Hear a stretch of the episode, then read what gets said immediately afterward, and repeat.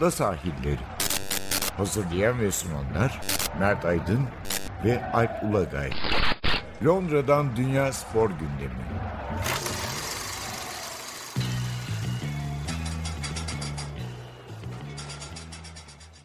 Ada sahillerinden merhabalar. Ben Alp Ulagay.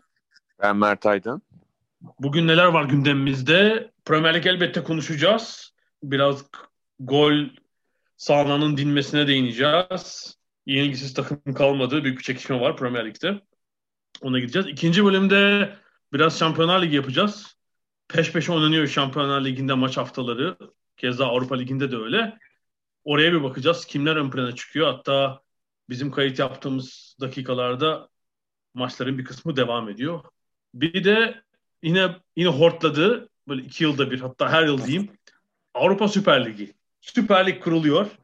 Yine böyle bir yerden bu şey çıktı. Haber geçen hafta hatta tıpkı geçen haftalarda İngiltere Ligi ile ilgili olduğu gibi Liverpool'a Manchester United'ın isimleri var. Bu kez finansörleri de işte JP Morgan falan. Biraz orayı değineceğiz ama önce iki tane kısa mevzumuz var. Onlara değinip girelim Premier Lig'den önce. Ay, ee, sorumu kaçırdın biraz... sen. JP Morgan falan dört aile mi dedim. Altı aile olmuşlar. Altı aile olmuş. E, evlilik tabii çoluklar çocuklar yeni aileler katılıyor doğal olarak. Bir şok haber geldi atletizmden. Bir doping cezası haberi. Christian Coleman son herhalde yani Bolt sonrası dönemin bir numaralı erkek sürat koşucusu diyebiliriz. Son dünya şampiyonu iki yıllık bir ceza aldı. Yani beklenmedik evet. bir durum değil ama bu gelecek yılki olimpiyatları da etkileyecek. Eğer olimpiyatlar olursa tabii. Olimpiyatlar evet. olmazsa o başka bir durum. Tabii bir de tabii çok bir evet. ceza var. Evet tabii o hani e, Amerikalıların itirazının ne sonuç vereceği de önemli. Çok dönen gördük. Üç tane e, testi kaçırdığı gerekçesiyle bu cezayı aldı. E, ama Amerikalılar itiraz etmişler. Onu da söyleyelim, onu, onu da belirtelim ama e, hani uzun dönemdir e, bu kadar üst düzey bir Amerikalı sporcu ceza almıyordu değil mi? Ben hatırlamıyorum son çok çok yakın zamana kadar. Yakın zamanda böyle bir isim. Kadar. Ben de hatırlamıyorum tabii. Daha önce elbette var işte Marion Jones'una kadar hani bir sürü attı. Gatlin falan bir sürü var ama senin tamam. dediğin gibi yani son değil mi herhalde son 10 yıl için 5-6 yıl diyelim. Son 5 yılda falan. Bu çapta bir Amerikalı atletin Hayır, aslında bu çapta genel olarak hani bu çapta bir atletin olması da çok ender son dönem için söylüyorum. Amerikalı olsun olmasın. Hani son dönemde genelde Kenyalılar ve Ruslar üzerine sadece sanki odaklanmıştı e, bütün bu doping cezaları. Tabii ceza alma sebebini hatırlatalım. Üç kez e, habersiz doping kontrolünden kaçtı ya da yerini bildirmediği için. Değil mi? 12 aylık sürede 3 kere Doğru. E, kaçırınca otomatikman ceza alma sınırına giriyorsunuz. Ama geçen günlerde biliyorsun Selvi Aydın Nasır böyle bir ya usul sebebiyle cezadan kurtarıldı. Çünkü üç, üçün birinin e, birinde görevlinin aslında yanlış kapıyı çaldı. Dakikalarca yanlış kapıyı çaldı ve e, Nasır'ın olduğu kapıyı çalmadı. Bu sebeple de usulen e, bir habersiz doping kontrolünden kaçma teşebbüsünden kurtulmuş oldu ve şimdilik ceza almadı o. Evet Bakın bu biraz şey gibi oluyor yani O.J. Simpson'ın davası gibi oluyor yani. Ortada bir suç olduğu kesin görünüyor ama e, teknik nedenlerle ceza alamıyor, almıyor burada kişi. Coleman konusundaki itiraz ne kadar kabul edilir bunu da ilerleyen günlerde göreceğiz. Ama e, dünyadaki korona vakalarının hızını gördükçe olimpiyat konusunda soru işaretleri de giderek artıyor. Olimpiyat öncesinde de Avrupa Şampiyonası. Ama evet, Avrupa Şampiyonası'nın şöyle bir e, yani futbolun en azından e, son e, birkaç aydır görüyoruz ki bir şekilde seyircisiz olarak e, oynandığını, bunun da yavaş yavaş kanıksanmaya başlandığını gördük yani. Onun için hani futbolu çok renksiz, seyircisiz ya da çok az sayıda seyirciyle yapmanın mümkün olabileceği tatsız tutsuz bile olsa görüldü ama olimpiyat öyle yapılabilir bir şey değil sanki. 200 kaç ülkeden? 205 ülkeden sporcuyu, antrenörü, hakemi, gazeteciyi herhalde bir yere getirmek çok kolay olmayacak. Tabii. Öyle gözüküyor. Öyle gözüküyor. Bu arada koronavirüs Covid-19 ile ilgili önlemler artıyor derken tam bizim kaydı yaptığımız saatlerde peş peşe e, önce Almanya sonra da Fransa kısıtlamaların arttığını hatta bayağı sokağa çıkma yasağına varan önlemler aldıklarını tekrar açıkladılar. Okullar okullar kapanıyor, üniversiteler dahil. Bu iki ülkede yani herhalde peş peşi sıra önlemlerin arttığını göreceğiz maalesef. Maalesef derken yani başka çare yok da yani işin bu raddeye gelmesi maalesef. E, evet. Aynen öyle. Aynen öyle. Bir de ikinci bir Premier Lig'e girmeden not. Geçen hafta basını etmiştik. Arsene Wenger'in kitabı. Ben hani Arsene Wenger'in röportajlarından her şey her kısmından değil ama bazı sözlerinden hayal kırıklığına uğruyorum dedim. Sen de galiba otobiyografiden hayal kırıklığına uğradın değil mi? Keşke hani bahsettiğin Simon Cooper'li olan ya da geçmiş yıllarda diğer gazetecilerle yaptığı röportajlardan bir kitap çıkarsalardı da daha iyi olurdu sanki. Hani öyle hissettim ben. Yani şimdi şöyle bir şey var çok kısa ve öz olarak söyleyelim. Geçen hafta da konuştuk. Hani, e, özellikle futbolcu e, futbol adamlarının diyelim e, otobiyografilerinde birkaç tane e, işte kitap yayına çıkmadan önce herkesi heyecanlandıracak küçük detay, olay ya da hikaye olur. Ee, bunlar hani herkes çok heyecanlandırır. Kitap çıkmadan gazetelerde, röportajlarda ön plana konulur. İşte X'in Y'ye ne dediği bilmem ne falan filan. Ee, ama bunların birçoğu da e, arkasından okunduğunda bunlardan ibaret oldu ve daha çok da fazla bir şey olmadığını görebiliriz bazı e, istisnaları e, buraya burada buraya koymuyorum. Yani çok çok iyileri mutlaka var bu işte de.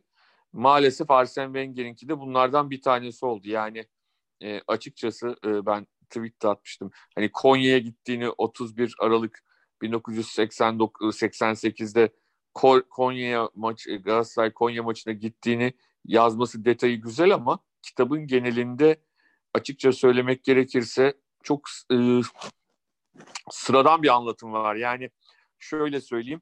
Hani Invincibles'ı yenilmez o takımla ilgili e, çok daha detay, çok daha geniş bir şeyler beklerdim ben. Yani çok baştan sağma geçilmiş gibi. Yani e, çok beylik laflarla çok az detay verilerek yani halbuki bence hani birçok maçla ilgili çok güzel hikaye, detay mutlaka vardır belki de e, şöyle düşünmüş ol. Yani Wenger'in genel olarak hayata bakışı e, bu kadar renksiz olabilir. Yani tek, en sonunda onu düşündüm.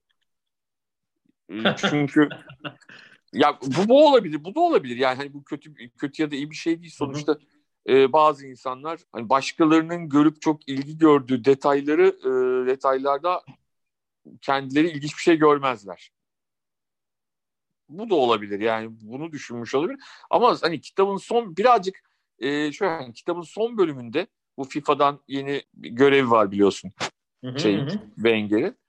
Onunla ilgili böyle coşkulu e, detaylar işte şeyler kötü değil yani gayet güzel o bölümler ama hani espri yaptım sanki sadece o bölümü yazmak için hani o, o manifestoyu e, yazmak için Hani başına da birkaç tane anı da koyayım hani kitap olsun falan demiş herhalde yani. Hani buna karar verdim ben kitabın sonunda. O, o, o bölümü sadece okutabilmek için sonundaki e, başını okudum. Yani mesela bütün kitabı okuduğunuzda Wenger'in orta sahada yani Wenger'in futbolculuğunda orta sahada oynadığının dan e, daha başka bir şey öğrenemiyorsunuz. Yani orta sahada hücumcu muydu, savunmacı mıydı, Sağ kanada mı yakın oynardı, sol kanada mı yakın oynardı, sağ ayağını mı kullanırdı, sol ayağını mı kullanırdı? İkisini de mi kullanırdı? Bunlar yazılmaz mı ya? Yani ben söyleyeyim e, şeyinki ne derler e, Alex Ferguson'ın biliyorsun cilt cilt yani anısı anıları.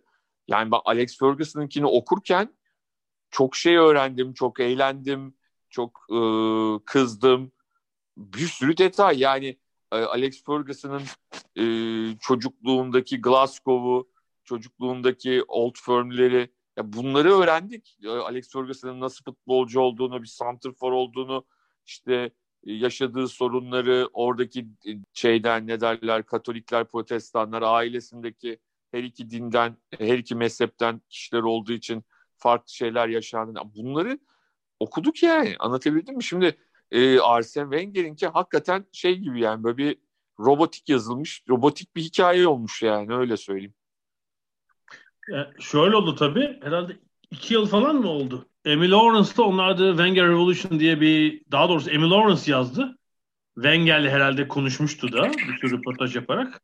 Arsenal'daki 20 yılım diye bir kitap çıkmıştı. Herhalde o Arsenal kısmını orada geniş anlattığı için başka şeyler kaldı diyeceğim ama çocukluğuna gençliğine dair dönem de kısa herhalde değil mi? O bölümler de çok uzun değil. Yo aslında çok kısa da değil ama hani çok Hı? düz dediğim gibi yani arada güzel anılar var, güzel birkaç tane şey Hı-hı. var yani hani hiç hiçbir şey yok diyemeyiz. Ama yani hani biraz daha e, Arsene Wenger'i tanıtma yani sonuçta böyle iddialı bir şekilde bir kitap yazıyorsanız, bir kitap oluşturuyorsanız hani bunun e, daha ilginç olması ve e, yani anlatamıyorum yani dediğim gibi sen de bir okursan anlayacaksın demek istediğimi. o, o, oku da ondan sonra konuşalım. Yani, Soğuttun beni kitaptan soğuttun yok. Hayır, ondan sonra sen okuyacaksın. ya bu kitabı ödül verilmeli bu muhteşem kitap falan diye. ya burada tabii hani bütün kitaptan aldığım tek espri, bütün kitapta yaptığı tek espriyi söyleyeyim mi? ee, aslında kitabın adı da hani e, kitabın adı e, Kırmızı Beyaz Yaşamım. Hani çalıştırdığı tüm takımlar kırmızı beyaz. Şeyde mi? Grampus'ta mı öyle? Grampus'ta evet, değil mi? Nancy. Ondan Mon- sonra Monaco, Monaco, şey, Monaco. Zaten aslında. Grampus. yani hayır bütün bütün kitaptaki e, en güzel espri bu olmuş. Öyle söyleyeyim. Bu yoksa Antalya Spor'a bir mesaj mı bu? Antalya'ya mı yerleşiyor Wenger? Yani mesela şey bile yok yani mesela işte hani basketbolcu eşi ondan bahsediyor, kızından bahsediyor.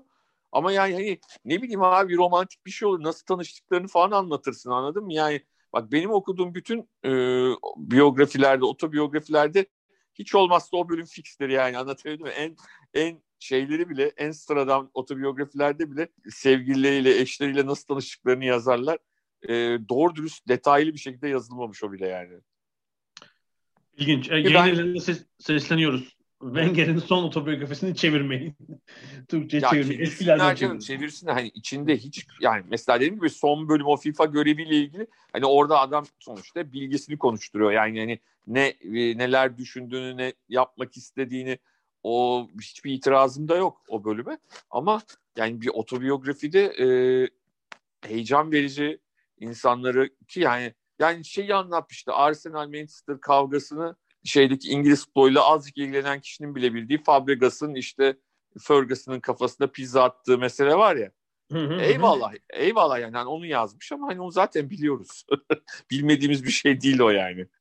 Ki daha detayı var Fabregas'ın ağzından bildiğimiz hikayenin. Yani Mourinho'nun adının geçmemesi bile bence çok saçma yani anlatabildim mi? Ya bu adamlar kavga ettiler, şunu yaptılar, bunu yaptılar. Yani meslektaşlarıyla ilgili de çok fazla topa girmemiş.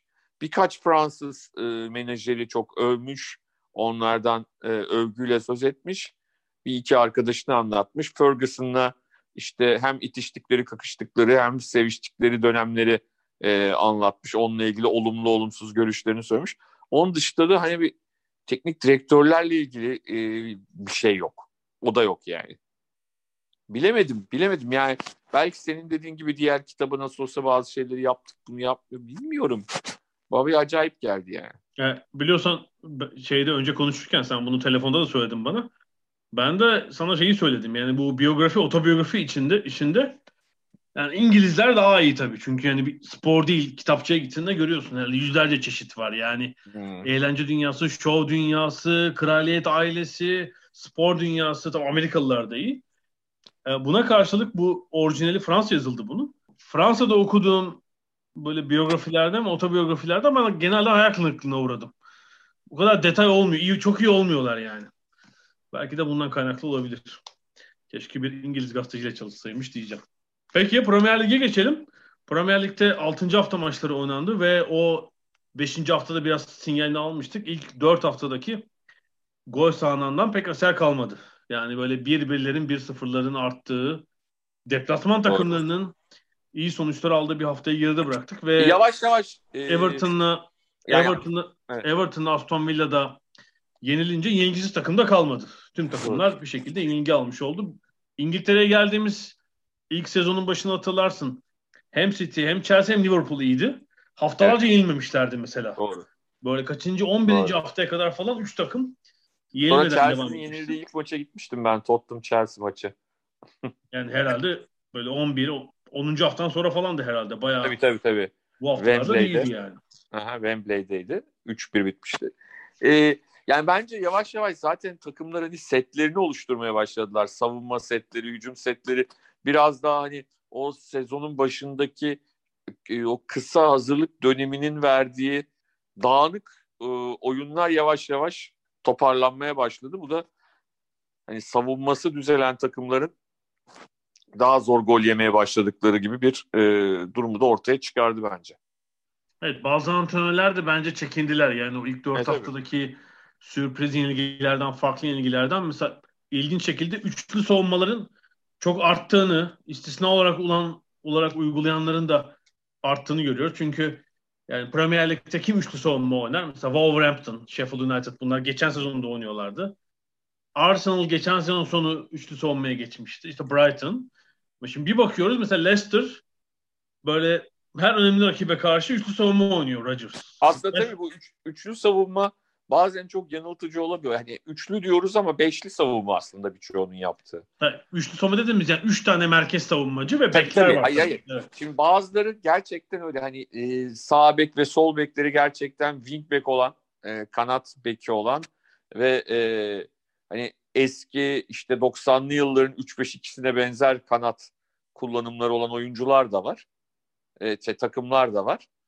E, ama bazıları da ciddi anlamda bayağı net beşli savunma yapıyor.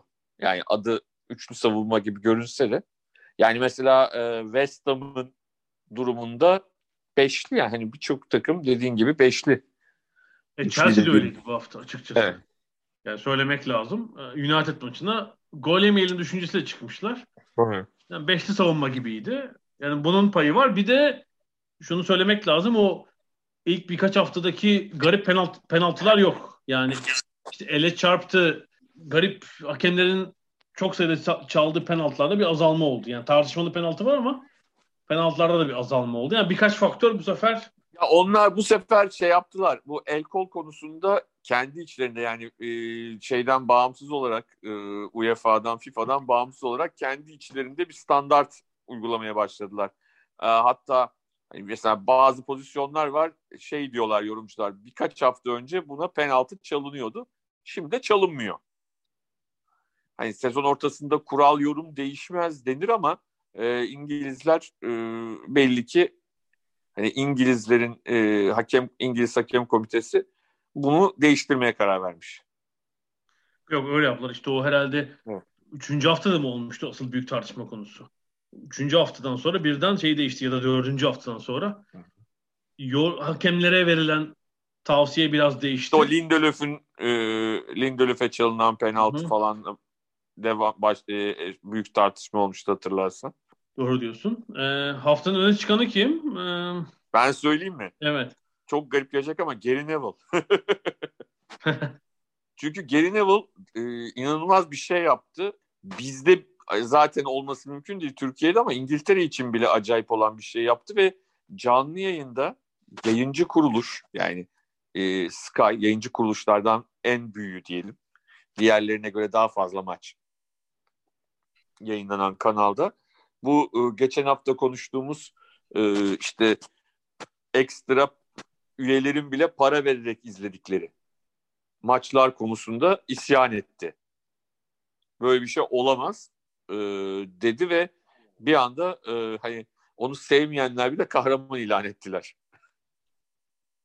Bill, Bill için böyle bir çıkışı olmuştu. Bir 10 gün kadar önce. Evet. Üzerine Gary Neville ama hafta başında yani bu hafta başında Premier Lig kulüpleri toplandılar. Şu görüş vardı çünkü hani 14.95 değil de hani 9.95 fiyatı indirelim ama ama fiyatı indirmekten de vazgeçtiler. Buna karşılık görüyoruz ki bazı maçlar yani pay per view öde ve satın al yöntemiyle izlenen bazı maçların izleyici sayısı 10 binin altında kalmış. Evet. Hangi Zaten biliyorsun bu Rashford'un e, desteklediği ama İngiltere'de meclisten son e, dönemde geçmeyen bir fakir çocuklara okul olmadığı günlerde de yemek verilmesi konusunun ardından birçok e, taraftar grubu İngiltere'de kampanya yaptı. E, o pay-per-view'ları almayalım para verip o paraları direkt çocuklara yemek verilmesi için kullanalım. Gibi bir... Ben Leeds United'ı gördüm. Newcastle'lılar yaptı. Başka da vardır herhalde. Yani evet evet. Yani bu bu arada tabii ki hani seninle geçen haftalarda çok konuştuk. Özellikle hani bu GOAT meselesinde falan. Ee, yeni dönemde genç işte NBA'de özellikle siyahi oyuncuların e, politize artık daha eskisinden farklı olarak politize olmaları konusu. E, Marcus Rashford da e, İngiltere'de hani futbolcular, genç futbolcular konusunda bunu çok net göstergesi diyebiliriz. Kesinlikle. Rashford çok yani genç yaşına karşın e, sosyal bir konuda inanılmaz bir önderlik yapıyor. Yani siyasi liderlerin İngiltere'de parlamentonun alamadığı inisiyatifi o aldı. Geçen seneden beri özellikle bu kısıtlamaların, lockdown'un başlamasından beri çok faal, e, müthiş de bir sempati topladı tabii bir genç futbolcu olarak. Onu söylememiz lazım. Evet Neville güzel konuydu ama bu pay-per-view konusunda şimdilik bir değişiklik yok. Yani iki hafta sonra evet. ne olur? Sağda ise e, Liverpool zor da olsa kazandı. Evet. Onu evet. söylemek lazım ama bak geçen hafta değindiğimiz konuda ikinci kez patladılar. Ne oldu? E, Sheffield United maçında bir kere Fabinho stoper çıktı. Evet. Ama iki tane üst üste hata yaptı. Bir, ayağına gelen topu rakibe ikram etti. İkincisi panikle bir kayarak müdahale yaptı ve penaltıya sebebiyet verdi. Yani bir ya onunla ilgili asıl şeyi stoper evet. olmadığı için evet. eklenebilecek hata. Üstüne bir de hafta içi Şampiyonlar Ligi maçında bir de sakatlandı. Bence en sonuncusu daha önemli. yani ona mesela e, BBC Match of the Day'de Micah Richards e, hani Fabinho'nun yaptırdığı penaltı meselesiyle ilgili olarak yani ben e, kendi fikri olarak ya eski bir savunmacı olarak söyledi. Hani bence dedi bu hani savunmacı oynayıp oynamamakla ilgili değil. Bazen insanlar bu hatalar yapılabilir. Yani bir e, savunma oyuncusunun her zaman yapabileceği bir hata yani. E, hata şeklinde o yorumladı onu. Ama sakatlanması hani e, asıl büyük sıkıntı e, transfer dönemi bitmeden böyle bir transferin yapılmamış olması da önemli bir plansızlık. Hani bazen kulüpleri e, övüyoruz e, doğru transfer, planlı transfer konusunda ama sanki bu konuda çok ciddi bir hata yapıyor Liverpool. Bakalım bunu ne kadar e, pahalıya ödeyecekler. Ya Matip de sakat. Yani eğer hafta evet. sonuna kadar işte Matip iyileşmezse eldeki tek sağlam stoper ve alternatifi şey Gomez. Herhalde birisi iyileşmezse de Williams'tı değil mi genç oyuncu? Herhalde oynayacak. İlginç yani. Herhalde. yani bayağı ligin seviyesini dengeleyecek bir durum. Ya ilerleyen haftalarda Henderson'ı, Wijnaldum'u falan şeyde görebiliriz yani. Sürpriz diyorsun. Sürpriz bir hamle olabilir. Milner. Şey, şeysi çok kötüydü değil mi? Manchester Chelsea maçı çok sıkıcı bir maç oldu gerçekten. Yani e, şöyle diyeyim bazı bölümleri böyle bir heyecanlandıran bölümleri oldu ama e, genel anlamda senin de söylediğin gibi e, Chelsea'nin de o niyetinin bence o beraberliği almak olması nedeniyle e, 0-0. Yani aslında iki takım sezon başından beri konuşuyoruz. Teknik direktörlerine verilen şanslar bu sene ilerleyen haftalarda işler kötü giderse verilmeyebilir dediğimiz takımlar e, biraz daha endişeyle biraz daha e, şeyle ne derler daha sağlam oynamak istiyorlar. Öyle söyleyelim ama tabii ki e, bence United Chelsea maçının en önemli olayı e, Cavani'nin oyuna dahil olması. Evet o zaten e, transfer olduktan sonra bir hafta vardı ama karantina kuralları gereği 5. haftada oynayamamıştı. Bu sefer sonradan oyuna girdi. Yani Cavani evet belli bir yaşa geldi ama e, United'ın işine gerçekten yarayacak bir isim olabilir. Ya Bence bazen de. kapalı savunmalarda yani, kilitleniyorlar. Bir iki pozisyonda da hani bir tane şey pozisyon var böyle bir anda top geldi ve döndü vurdu. Bence Premier Lig'e Premier Lig'i sallayabilecek bir oyuncu. Çok bana onu gösterdi. Yeter ki e, Manchester United'ın genel oyunundaki düzel genel oyunda bir düzelme olsun. Yani e, diğer oyuncular işte Rashford'lar, Greenwood'lar, diğerleri hepsi bence e, Cavani'ye çok ciddi katkıda bulunabilir. Bakalım hep beraber göreceğiz. Yani United'ın sezonuna belki hani 93'teki Cantona etkisi yaratmaz ama önem çok önemli bir e, avantaj getirecek diye düşünüyorum takıma. Yani ileride alternatif yoktu yani. Cavani almamış olsalar Martial sakatlandığında bir Rashford oraya geçebilir. Tabii tabii tabii. Başka bir alternatif yoktu bu bakımdan. Chelsea'de tabii söylemek lazım işte Lampard savunmaya oturtmaya çalışıyor ama bir kaleci farkı oldu. Yani Edouard Mendy oynadığı iki maçta da gol yemedi. Hatta Avrupa'da da fena değil. O bir Keapa'ya nazaran tabii, tabii. fark yarattığını yani, söylemek lazım. Özellikle bir tane köşeden çıkardığı top var. E, maçın sonlarına doğru. E, çok çok önemli bir kurtarış. Belki her maça değinemeyiz çok uzatmamak için ama bir Everton'ın düşüşünü bir kısa konuşmak lazım. E, 4'te 4'te başlamışlardı. Liverpool beraberliği de kötü maç değildi ama 6. haftada hem oyun hem skor açısından ezildikleri bir Southampton maçı. Yani ezildikleri çok... diyorum oyun çok etkisiz, çok kötüydü ya Southampton. Evet. Ya ilk çok anormal sürk, gelmiyor bana. İlk yarı sürklası etti. E, hatta 3-0 oldu. Kıl payı galiba offside'da sayılmayan bir üçüncü gol var. E, yani Everton'da şu gözüküyor. E, az kadro çok iyi ama yedekler onların yani bir eksik olduğunda ceza sakatlık. Yedekler evet, aynı seviyede değil ve bu hafta Richarlison'da Coleman yoktu. Ee, şu haftaya Dean de olmayacak. Yedekler aynı kalibede değil. Bir ufak düşüş var Everton'da. Normal görüyorum ben ya. Yani zaten hani Everton'ın e, aynı tempoyla, aynı e, oyunla sezonu devam ettirmesi çok kolay değil. E, o inişler çıkışlar olacak ki hani o ondan çok daha oturmuş, çok daha geniş kadrolu takımlar ne sıkıntılar yaşıyor sezon başından beri izlediğimizde İngiltere'de. Yani çok çok anormal değil. O, onu onu belirtmek gerekiyor. Tabii se, e, haftanın hikayelerinden biri de herhalde Bamford'tu değil mi? Ya Bamford, e, Bielsa Bamford'dan bir, biraz gayretli bir gol kralı çıkaracak neredeyse. Yani, evet hani 27 yaşında e, 27 yaşına kadar işte Chelsea'nin e, birçok takıma kiraladığı e, çok da e, istenen bir noktaya gelemeyen bir forken bir anda şu anda 8 gol oldu değil mi ligde? Yok 6 gol. 6 maç. 6 gol pardon. 6 gol. 6 maç 6 gol. Hani evet. Bu Ki, ortalama yani e, bu maçtaki 3 golden 2 tanesi de çok çok klas gollerdi. Yani. yani izlemeyen varsa özetleri bir yerden bulsun. İlk gol tamam takipçilik golü. İkinci gol harika. Üçüncü gole ben şey dedim artık. Ronaldinho golü. Yani Oradaki evet, bilek evet. hareketi yani. Bir Ronaldinho gol attı orada. Çok Tabii acayip ki. goller. Yani e, ya şey dedi maç sonrası röportajda. Evet yani klasik gol atmayı bekliyordum. Hani hissediyordum. Dedi ki hani 0-0 kendi aslında iki tane gol kaçırdı. Ee, pozisyona giden hani gol atabileceği aslında hissiyatını veriyordu ama tabii ki üç tane çok a, beklenen bir şey değildi üç gol atması Ford'un.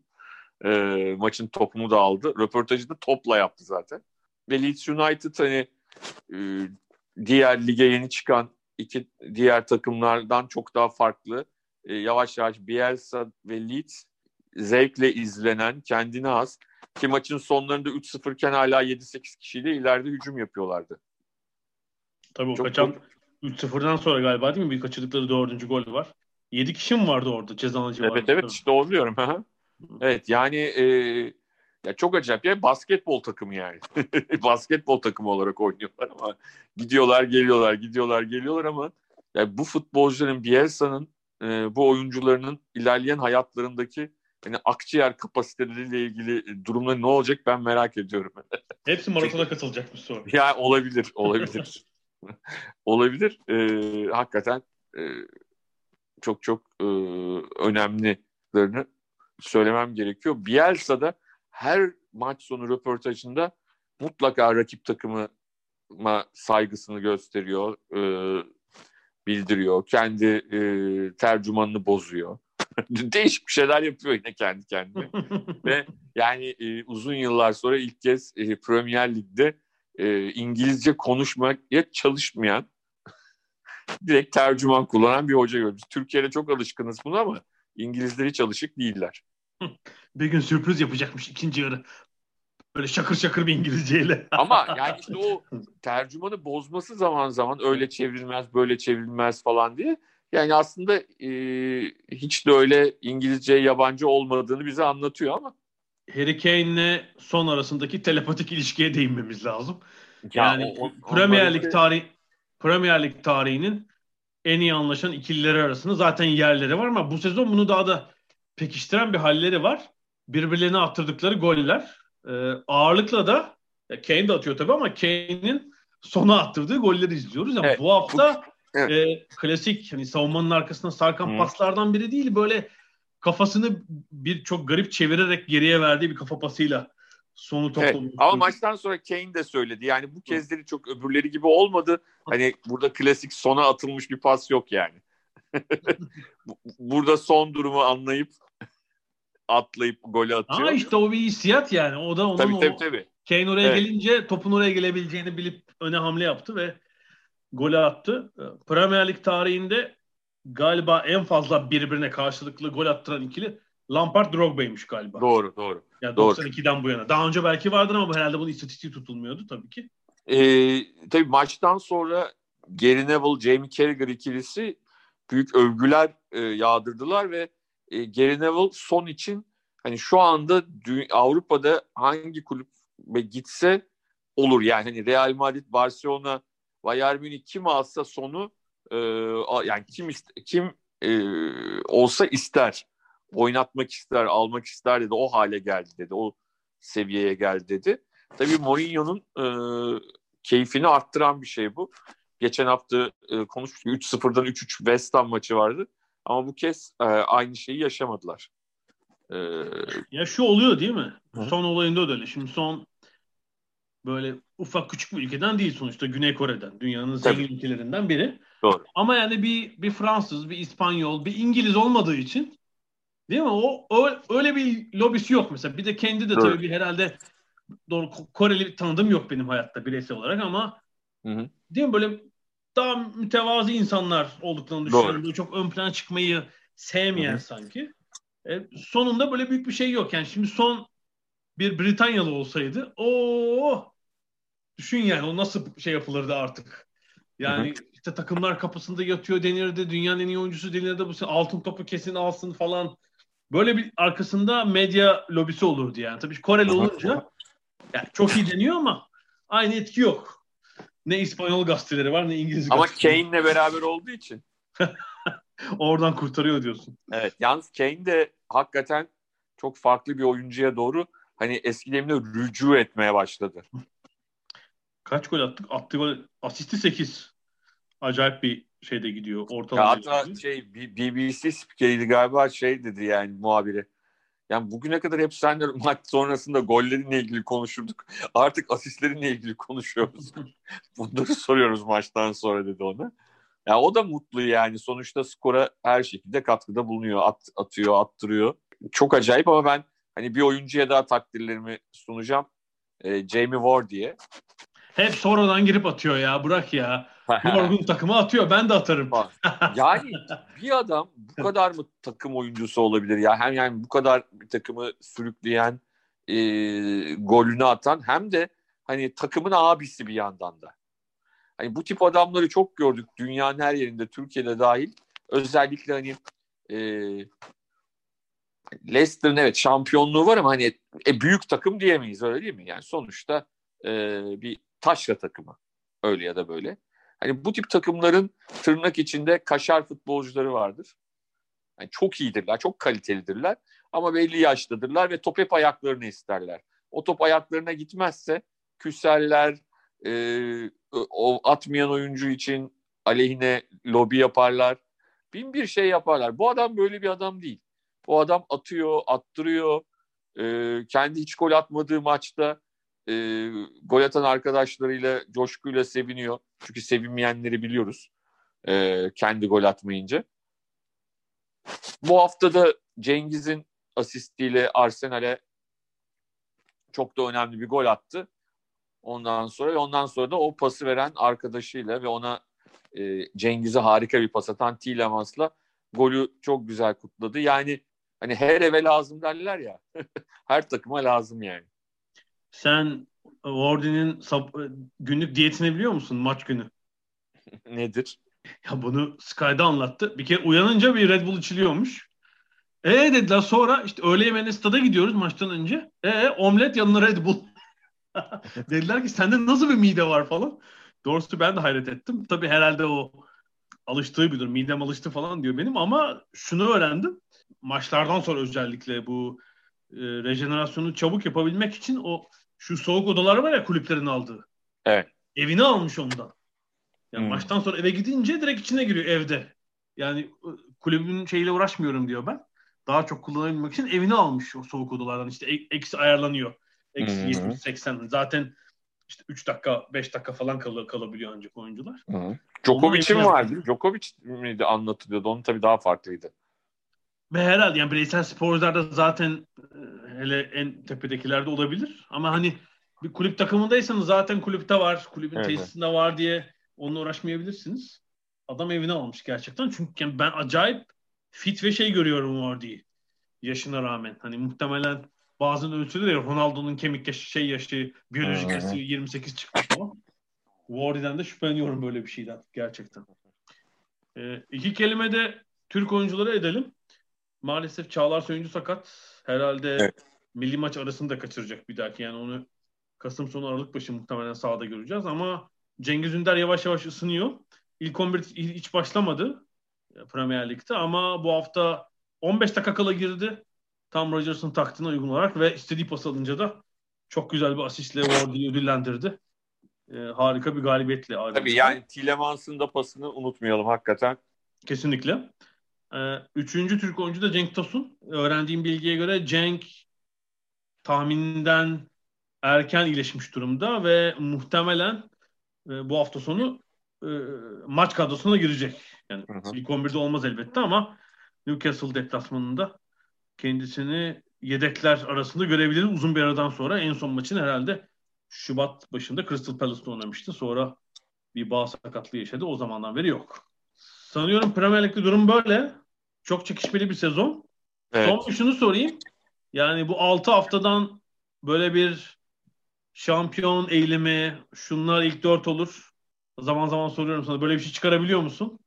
Böyle bir emare Ya sadece yani hep çıkardıklarımız aslında geçen seneden geçen seneye bakarak oluyor. Yani Liverpool ve City ezber olarak söylüyoruz Hı hı. açıkçası. Yani onun dışında e, işte Tottenham'ın, Chelsea'nin, Manchester United'ın günü gününü tutmuyor. Yani tam övüyoruz, öbür hafta dağılıyorlar. Tam sövüyoruz, yani sövüyoruz da tam eleştiriyoruz, öbür hafta acayip bir galibiyet alıyorlar. Yani çok çok bu istikrarsızlıkta yorum yapmak da çok kolay değil açıkçası. Gerçekten ben de bir şey çıkaramıyorum yani böyle insan hep böyle bir trend çıkarmak ister ya ha şu iki takım gidiyor. Öyle bir şey söylemek çok zor. Ee, yani sadece geçen seneden daha çekişmeli. Şampiyonun daha az puan alabileceği bir sezon olduğunu zaten konuşmuştuk. Yine öyle olabilir. İşte Hmm. bu hafta şey de kaybetti yani City de puan kaybetti. Normal yani olacak daha. Evet bir tek son dörtlü dört son dörtlü de devam ediyorlar yine. Onlar maç kazanamadan çok zor gol atarak devam ediyorlar. Ya Fulham'ın durumunu çözemedim. Çözememeye de devam edeceğim herhalde. Sene sene yine e, şeyde e, Championship'te izleyeceğiz herhalde onları. E bari. Brentford'u yenmeselerdi de Brentford gelseydi ya. Daha kötü Evet, de onu- olma şansları yoktu yani. E, oyuncularına belki satmazdı Brentford o zaman. Tabii tabii tabii. Doğru diyorsun. Peki Premier Lig bölümünü burada kapatalım. Önümüzdeki hani Premier Lig'in bu haftasında e, Cuma yine fikstür açılıyor. Cuma, Cumartesi, Pazar, Pazartesi dört günlük bir hafta. Herhalde haftanın önemli maçı Pazar günkü Manchester United Arsenal maçı olacak. Evet. Onu söyleyelim. Ee, benim merakla beklediğim pazartesi akşamı haftanın son maçı Leeds United Leicester City maçı var. Çok en meraklı beklediğim maç olduğunu söyleyebilirim bu hafta. Evet bu bölümü kapatalım. İkinci bölümde Şampiyonlar Ligi e, ve Süper Lig, Avrupa Süper Ligi dedikodularını konuşacağız. Az sonra görüşmek üzere.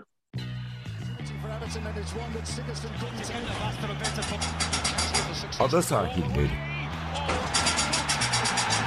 Londra'dan Dünya Spor Gündemi.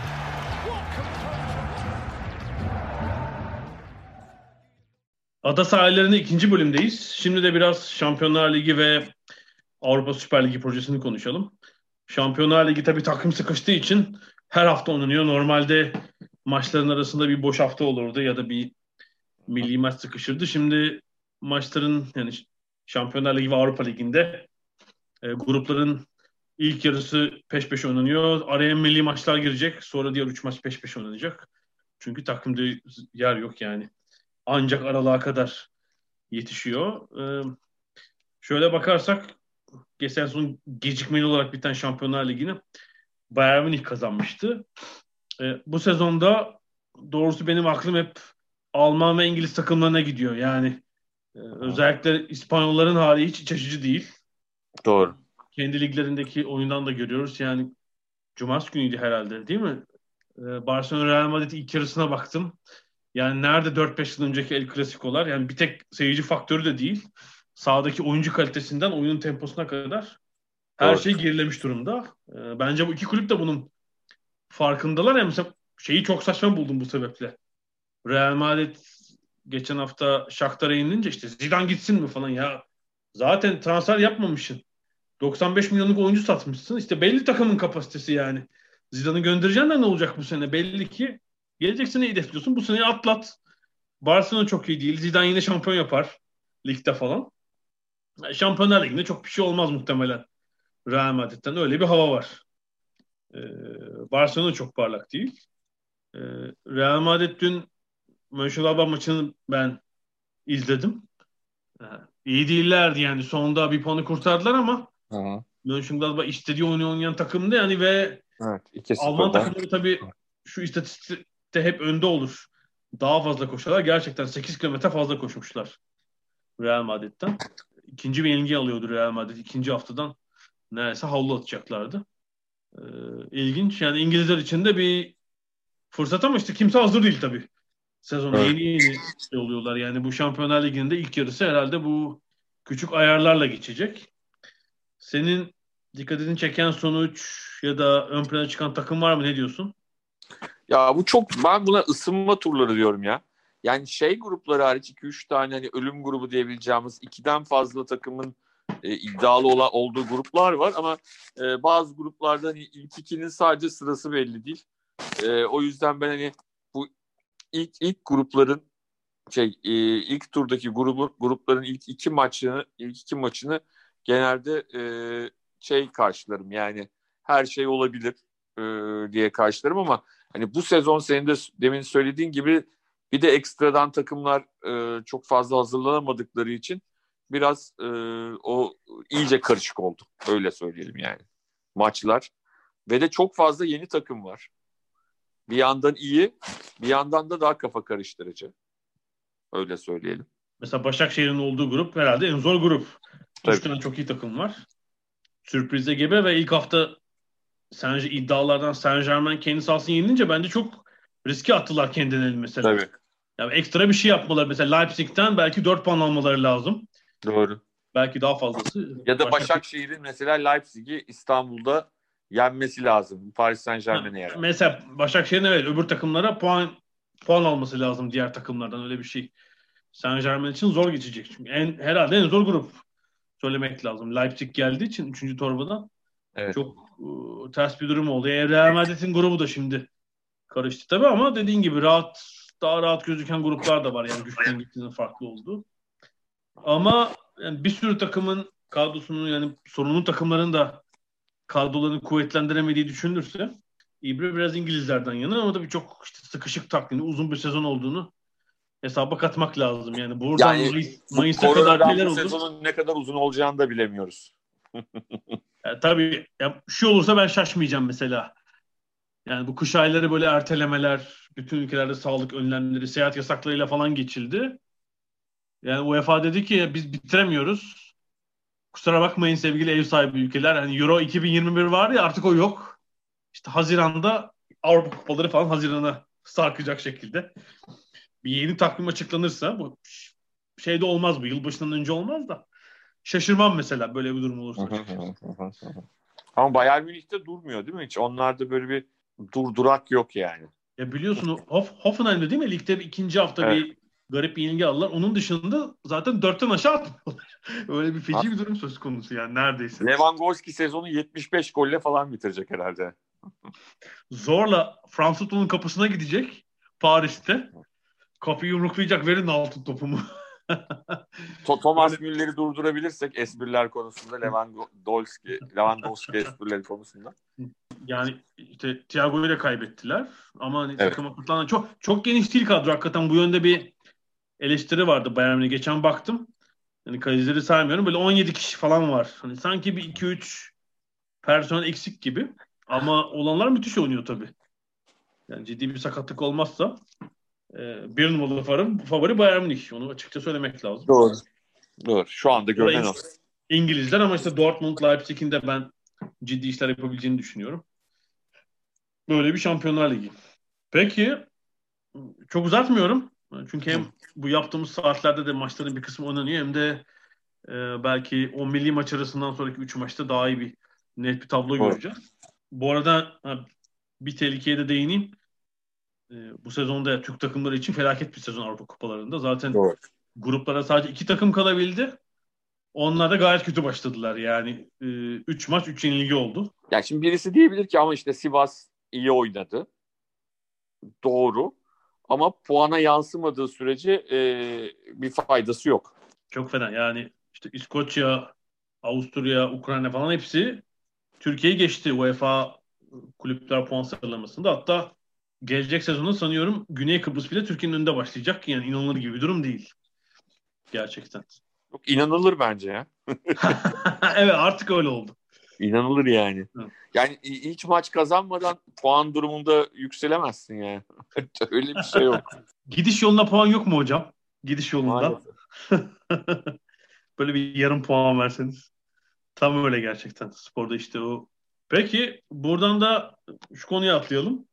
E, iki hafta önce İngiltere'deki Premier Lig'deki büyük resim projesi. Büyük resmi, büyük resmi görmüştük evet. Büyük resim. Büyük resim Avrupa'ya sıçradı. İki sezonda bir olduğu gibi en son herhalde bu Der Spiegel ekibi ortaya çıkarmıştı. Tekrar bir Avrupa Süper Ligi hatta evet. kuruluyor. En sonda Barcelona Başkanı evet. Salı günü istifa ederken Bertomeu şey demiş. Ben kulüp adına Süper Lig'e katılmayı kabul ettik. Biz yani niye kabul ettin? Evet. Ne var ortada? Tekrar bu şey çıkıverdi. Yani 30 yıldır konuşuluyor. 30 yıl önce işte bu iş ilk Real Madridler Milanlarla çıktığında UEFA evet. buna karşılık olarak Şampiyonlar Ligi projesini geliştirmişti ve biraz önüne geçmişti olayın ama yani 3 yılda bir, 5 yılda bir, bazen 2 yılda bir tekrar şey oluyor. Büyük kulüpler böyle bir or kabarıyorlar. Ee, daha fazla para, daha fazla geliyor. Yani her seferinde yeni bir e, şey almaya çalışıyorlar ekstra e, artık dördüncülerinde direkt katılması, hani bir playoff oynamamasını en son kazanmışlardı. Büyük ülkelerden, büyük liglerden gelen takımlar. Giderek e, işte parayı arttırmak için ama bence bazı konularda yanılıyorlar ya. Yani, yani bilmiyorum şu çok hani benden iyi herhalde bir takım hesaplar yapmışlardır ama çünkü onların bahsettikleri türde bir ligin oluşması e, hani basketboldaki Euro Lig'e benzeyen bir daha kapalı bir şeyden bahsedebiliriz. Bu son projeden evet. sızanlar şöyle 16 ila 18 takımlı ve hafta sonları oynanacak. Evet evet. Yani 30, ila, loka... 30 ila 34 maçlık bir Avrupa Süper Ligi ve sadece 5 büyük ligden takımlar evet. olacak burada. Yani lokal rekabeti ortadan kaldıran bir şey bu. Yani yerel lokal rekabet her zaman çok çok önemlidir. Burada İngiltere'de çok net görüyoruz bunu. Yani belki e, o yöneticiler için önemli olmadığı düşünülen maçlar, e, fikstürler aslında gayet e, önemli taraftarlar için. Nasıl olur? Nasıl işte FIFA'nın işe karışacağı söylendi. FIFA'nın e, buna sıcak baktığı söylendi. Infantino bunu yalanladı. E, ya burada iddia edilen, söylenenlere göre FIFA, Liverpool, Manchester United ve JP Morgan Amerikan Bankası hatta hı işte 5 milyar euroluk bir sezonluk paket hazırlanmış bile bunun için. Yani şu an yani UEFA'nın evet. Şampiyonlar Ligi'nde dağıttığı ıı, toplam paranın neredeyse 3 katı. 3 katı, 2,5 katı falan bir meblağ söz konusu ve bu 18 takıma bölünecek işte. Böyle evet. Bir... Tabii ya bir, bir de işin içinde Illuminati'nin de olduğu söyleniyor. şey Rodos şövalyeleri. ya şunu da şey yapıyorum mesela İngiliz takımlarının böyle bir şey ihtiyacı var mı? Yani bence Premier Lig'deki e, dünya çapında inanılmaz bir kitlesi oluştu Premier Lig'in. Doğru. Çok ciddi gelirleri var. Yani televizyon gelirlerinin çok önemli bir kısmı ülke dışından. Ya burada ihtiyacı olan kim var biliyor musun en fazla? İtalyan takımlarının.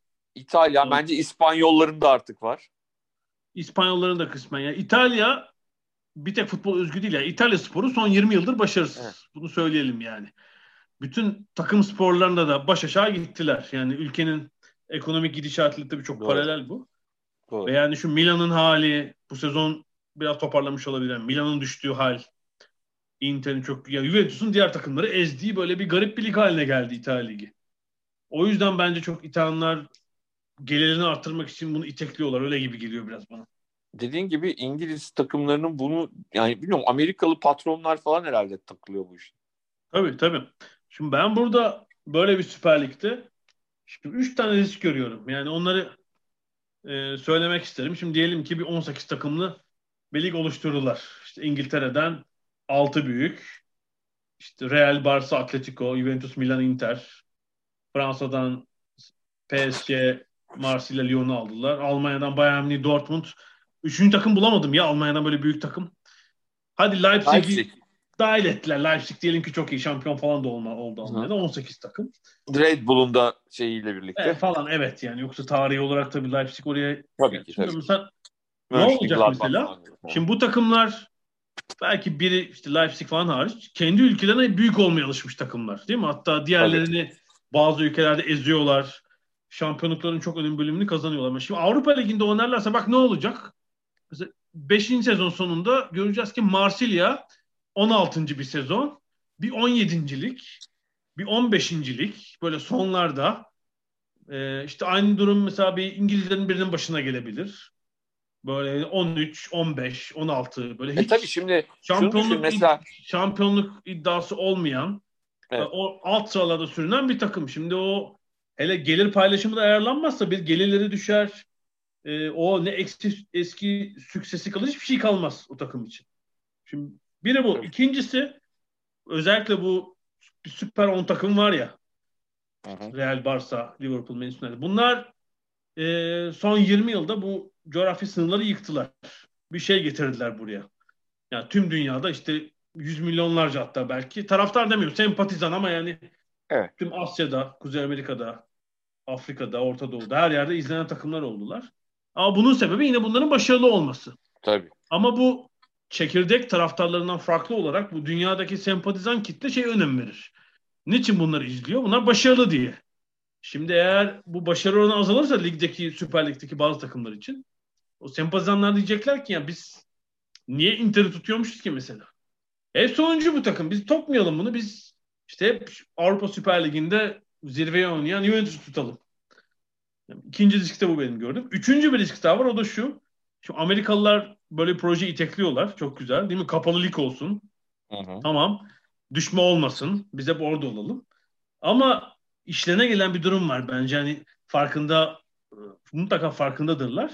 Şu Amerika'daki benzer örneklerde biliyorsun takımların karşısında çok kuvvetli oyuncu birlikleri hatta sendikaları var. Doğru. Şimdi Avrupa'da böyle bir durum yok. Şimdi yokmuş gibi gözüküyor ama kapalı bir lig olduğu anda e, bir kere oyuncular kesinlikle örgütlenmeli bunun karşısında. Çünkü kulüpler oyuncu ücretlerini baskılamak isteyecek bir kere kesinlikle kapalı bir ligde. Diyecekler ki işte oyunculara ortalama şey olarak işte kulüp bütçesinin %60'ından fazlası verilemez. Kapalı bir ligde bunu yapabilirsiniz. Farklı liglerde zor.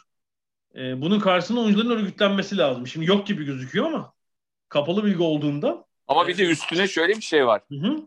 NBA'den farklı olarak e, burada başka ligler de olacak. Şimdi ona alternatif ligler üretilecek ya da yerel ligler devam edecek. Öyle ya da böyle.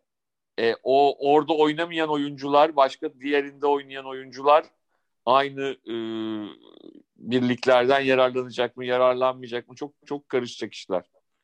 Ama şöyle işte bu bahsettiğimiz diyelim bu 18 takımlı lig oluşursa zaten Avrupa futbol ekonomisinin %40'ı bu 18 takım. O yüzden buralarda oynamak isteyen, yüksek maaş almak oyuncuların isteyen oyuncuların başka pek alternatifi olmayacak açıkçası. Sana söyleyeyim bunun böyle bir şey olursa bunun merkezi ancak Avrupa Birliği'nden ayrılan İngiltere'de olur. Çünkü aksi takdirde bunu e, Avrupa Birliği e, Adalet Divanı'nda bunu şey yaparlar. Merkezi Doğru. AB sınırları içinde bir yerde olursa e, tekel e, uygulaması diye bunu e, Avrupa Birliği mahkum ettirir yani iptal ettirir böyle bir şey. Muhtemelen hani gerçekten olacaksa İngiltere'de olacak. Ya dediğim gibi İngiliz evet. bence hiç ihtiyacı yok zaten böyle bir şey. Gayet sağlıklı. İşte İtalyanlar, İspanyollar herhalde bunu. Evet. Şu, Amerikalı patronlar tabii. Onlar da daha çok para peşinde belli ki. böyle de şeyi anlayamadım. Niye Türk takımı yok? Onu anlayamadım. Neden? Fikrin var mı? Vallahi yok. Düşünüyorum, düşünüyorum, bulamıyorum. Ama eskiden hep vardı değil mi? Konuşulurdu. Ya tabii işte benim 30 yıl önce sakladığım haber var. The European diye bir gazete vardı o zaman. Evet, evet. Hatırlarsın. Maxwell, Robert Maxwell'di herhalde. Evet. Oradan saklamışım bak 1990'ın sonu her şöyle anons edilmiş işte Avrupa Ligi kuruluyor. Süper Lig de değil. Şeyler yapılmış. Division'lar yani e, gruplar yapılmış. E, Olympiakos var Yunanistan. Türkiye'den Beşiktaş var. Çünkü herhalde evet. Son şampiyon Beşiktaş'tı o sezon diye örnek olarak Beşiktaş'ı koymuşlar Doğru. ama mutlaka Türkiye'den bir takım dahil edilirdi. Şimdi Türkiye tamamen o tablonun dışında tabii yani Hollanda'dan, Portekiz'den de takım yok mesela. Onlar da kale alınmıyor. E doğru. Hatırlarsan e, Van der Sar bir ara konuşmuştu. Hani böyle bir şey yapılırsa biz de e, ikinci bir grup olarak yani işte örnek vermişti Türkiye'den Galatasaray, Fenerbahçe gibi takımları işte İskoçya'dan Rangers, Celtic, Ajax, PSV hani bunlar olarak aslında bir çeşit bir birlik kurmak ya da bir birlik kurmak e, mümkün olabilir demişti. Evet tabii. Yani onun peşinde de öyle bir organizasyon gelebilir.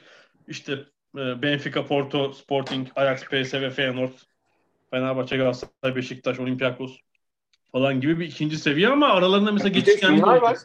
Kim var? Bir de bir de e, diyelim ki oraya alınmayacak İngiliz takımları. Alman evet, takımları. Evet tabii. Yani tabii onlar yani. ne olacak? Yani şeye hani en üst tarafa Alman bulmakta zorlandım ama ikinci gruba mesela 5 tane Alman girer yani. Bence bence otursunlar oturdukları yerde zaten korona yüzünden işler karıştı. Bir de bir de böyle bir şey yaparlarsa garip olacak. Evet şunu da diyebilir birileri. Ya işte bu Bosman çıktığında da e, işin çivisi çıktı denmişti. Öyle denmişti, böyle denmişti. Bir şekilde herkes adapte oldu ve hayata devam etti Bosman kurallarından sonra. Ama yani bu biraz daha farklı herhalde. Tabii bu tamamen işte artık UEFA'nın sistemini bozmak üzerine kurulu. Ee, UEFA'nın da hep böyle bir proje olma bir karşı hamlesi olur ya anladığım kadarıyla orada da şöyle bir küçük hamle gelecek. 2024'ten itibaren 32 değil 36 takımlı Şampiyonlar Ligi söz konusu. E, ee, 6 şart takımlı 6 grup olacak. Demek ki maç her gruptan arttıracak. 10 maç oluyor değil mi o zaman ilk grupta 6 evet. olunca? Çift devreli 10 maç. Yani 6 yerine 10 maç olacak gruplarda. 4 maç artacak. Sonra da işte grupların ilk ikisi ve en iyi 4 üçüncü üst turu çıkacak ama şu ihtimalde varmış. Hani satrançtaki gibi o 36 takım gelişi güzel 10 takımla 5 içeride 5 dışarıda hı hı. maç yapacak. Yani 10 ayrı takımla oynayacak düşünmüştüm. Maç sayısını arttırma yönünde herhalde onların da bir... Abi futbolun basit bir oyun olduğunu unutuyor galiba insanlar. ya futbol basit olmalı abi. Herkesin anlayabileceği bir şey olmalı. Böyle abuk subuk şeylerle ne uğraşıyorlar ya. İnanamıyorum ya. ya bak şimdi basketboldaki şeye bak işte. Birleşsin mi Euroleague'le şey FIBA öyle olsun mu tekrar? Bu iş böyle gitmiyor galiba. Şeyler başladı. Homurdanmalar başladı gerçekten. Yani evet. Hani futbolun yönetimi daha basitti tabii şu son döneme kadar. Ne diyorsun? Var mı başka bir şey? Bu haftalık yok. Yok galiba. Tamam. e, hepinize teşekkür ediyoruz. Burada Türkiye podcast listelerinde spor kategorisinde Genelde bizi hep tepelerde tutuyorsunuz ama bu hafta ikinci sıradayız. Sokrates Podcast'ın ardından. E, tüm dinleyenlere teşekkür ediyoruz. İlginiz ve sabrınız için. Haftaya görüşmek üzere. Görüşmek üzere.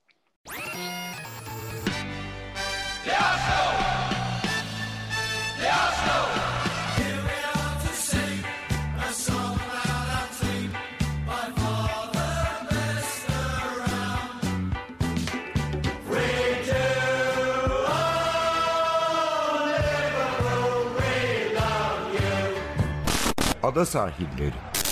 Hazırlayan ve sunanlar Mert Aydın ve Alp Ulagay. Londra'dan Dünya Spor Gündemi.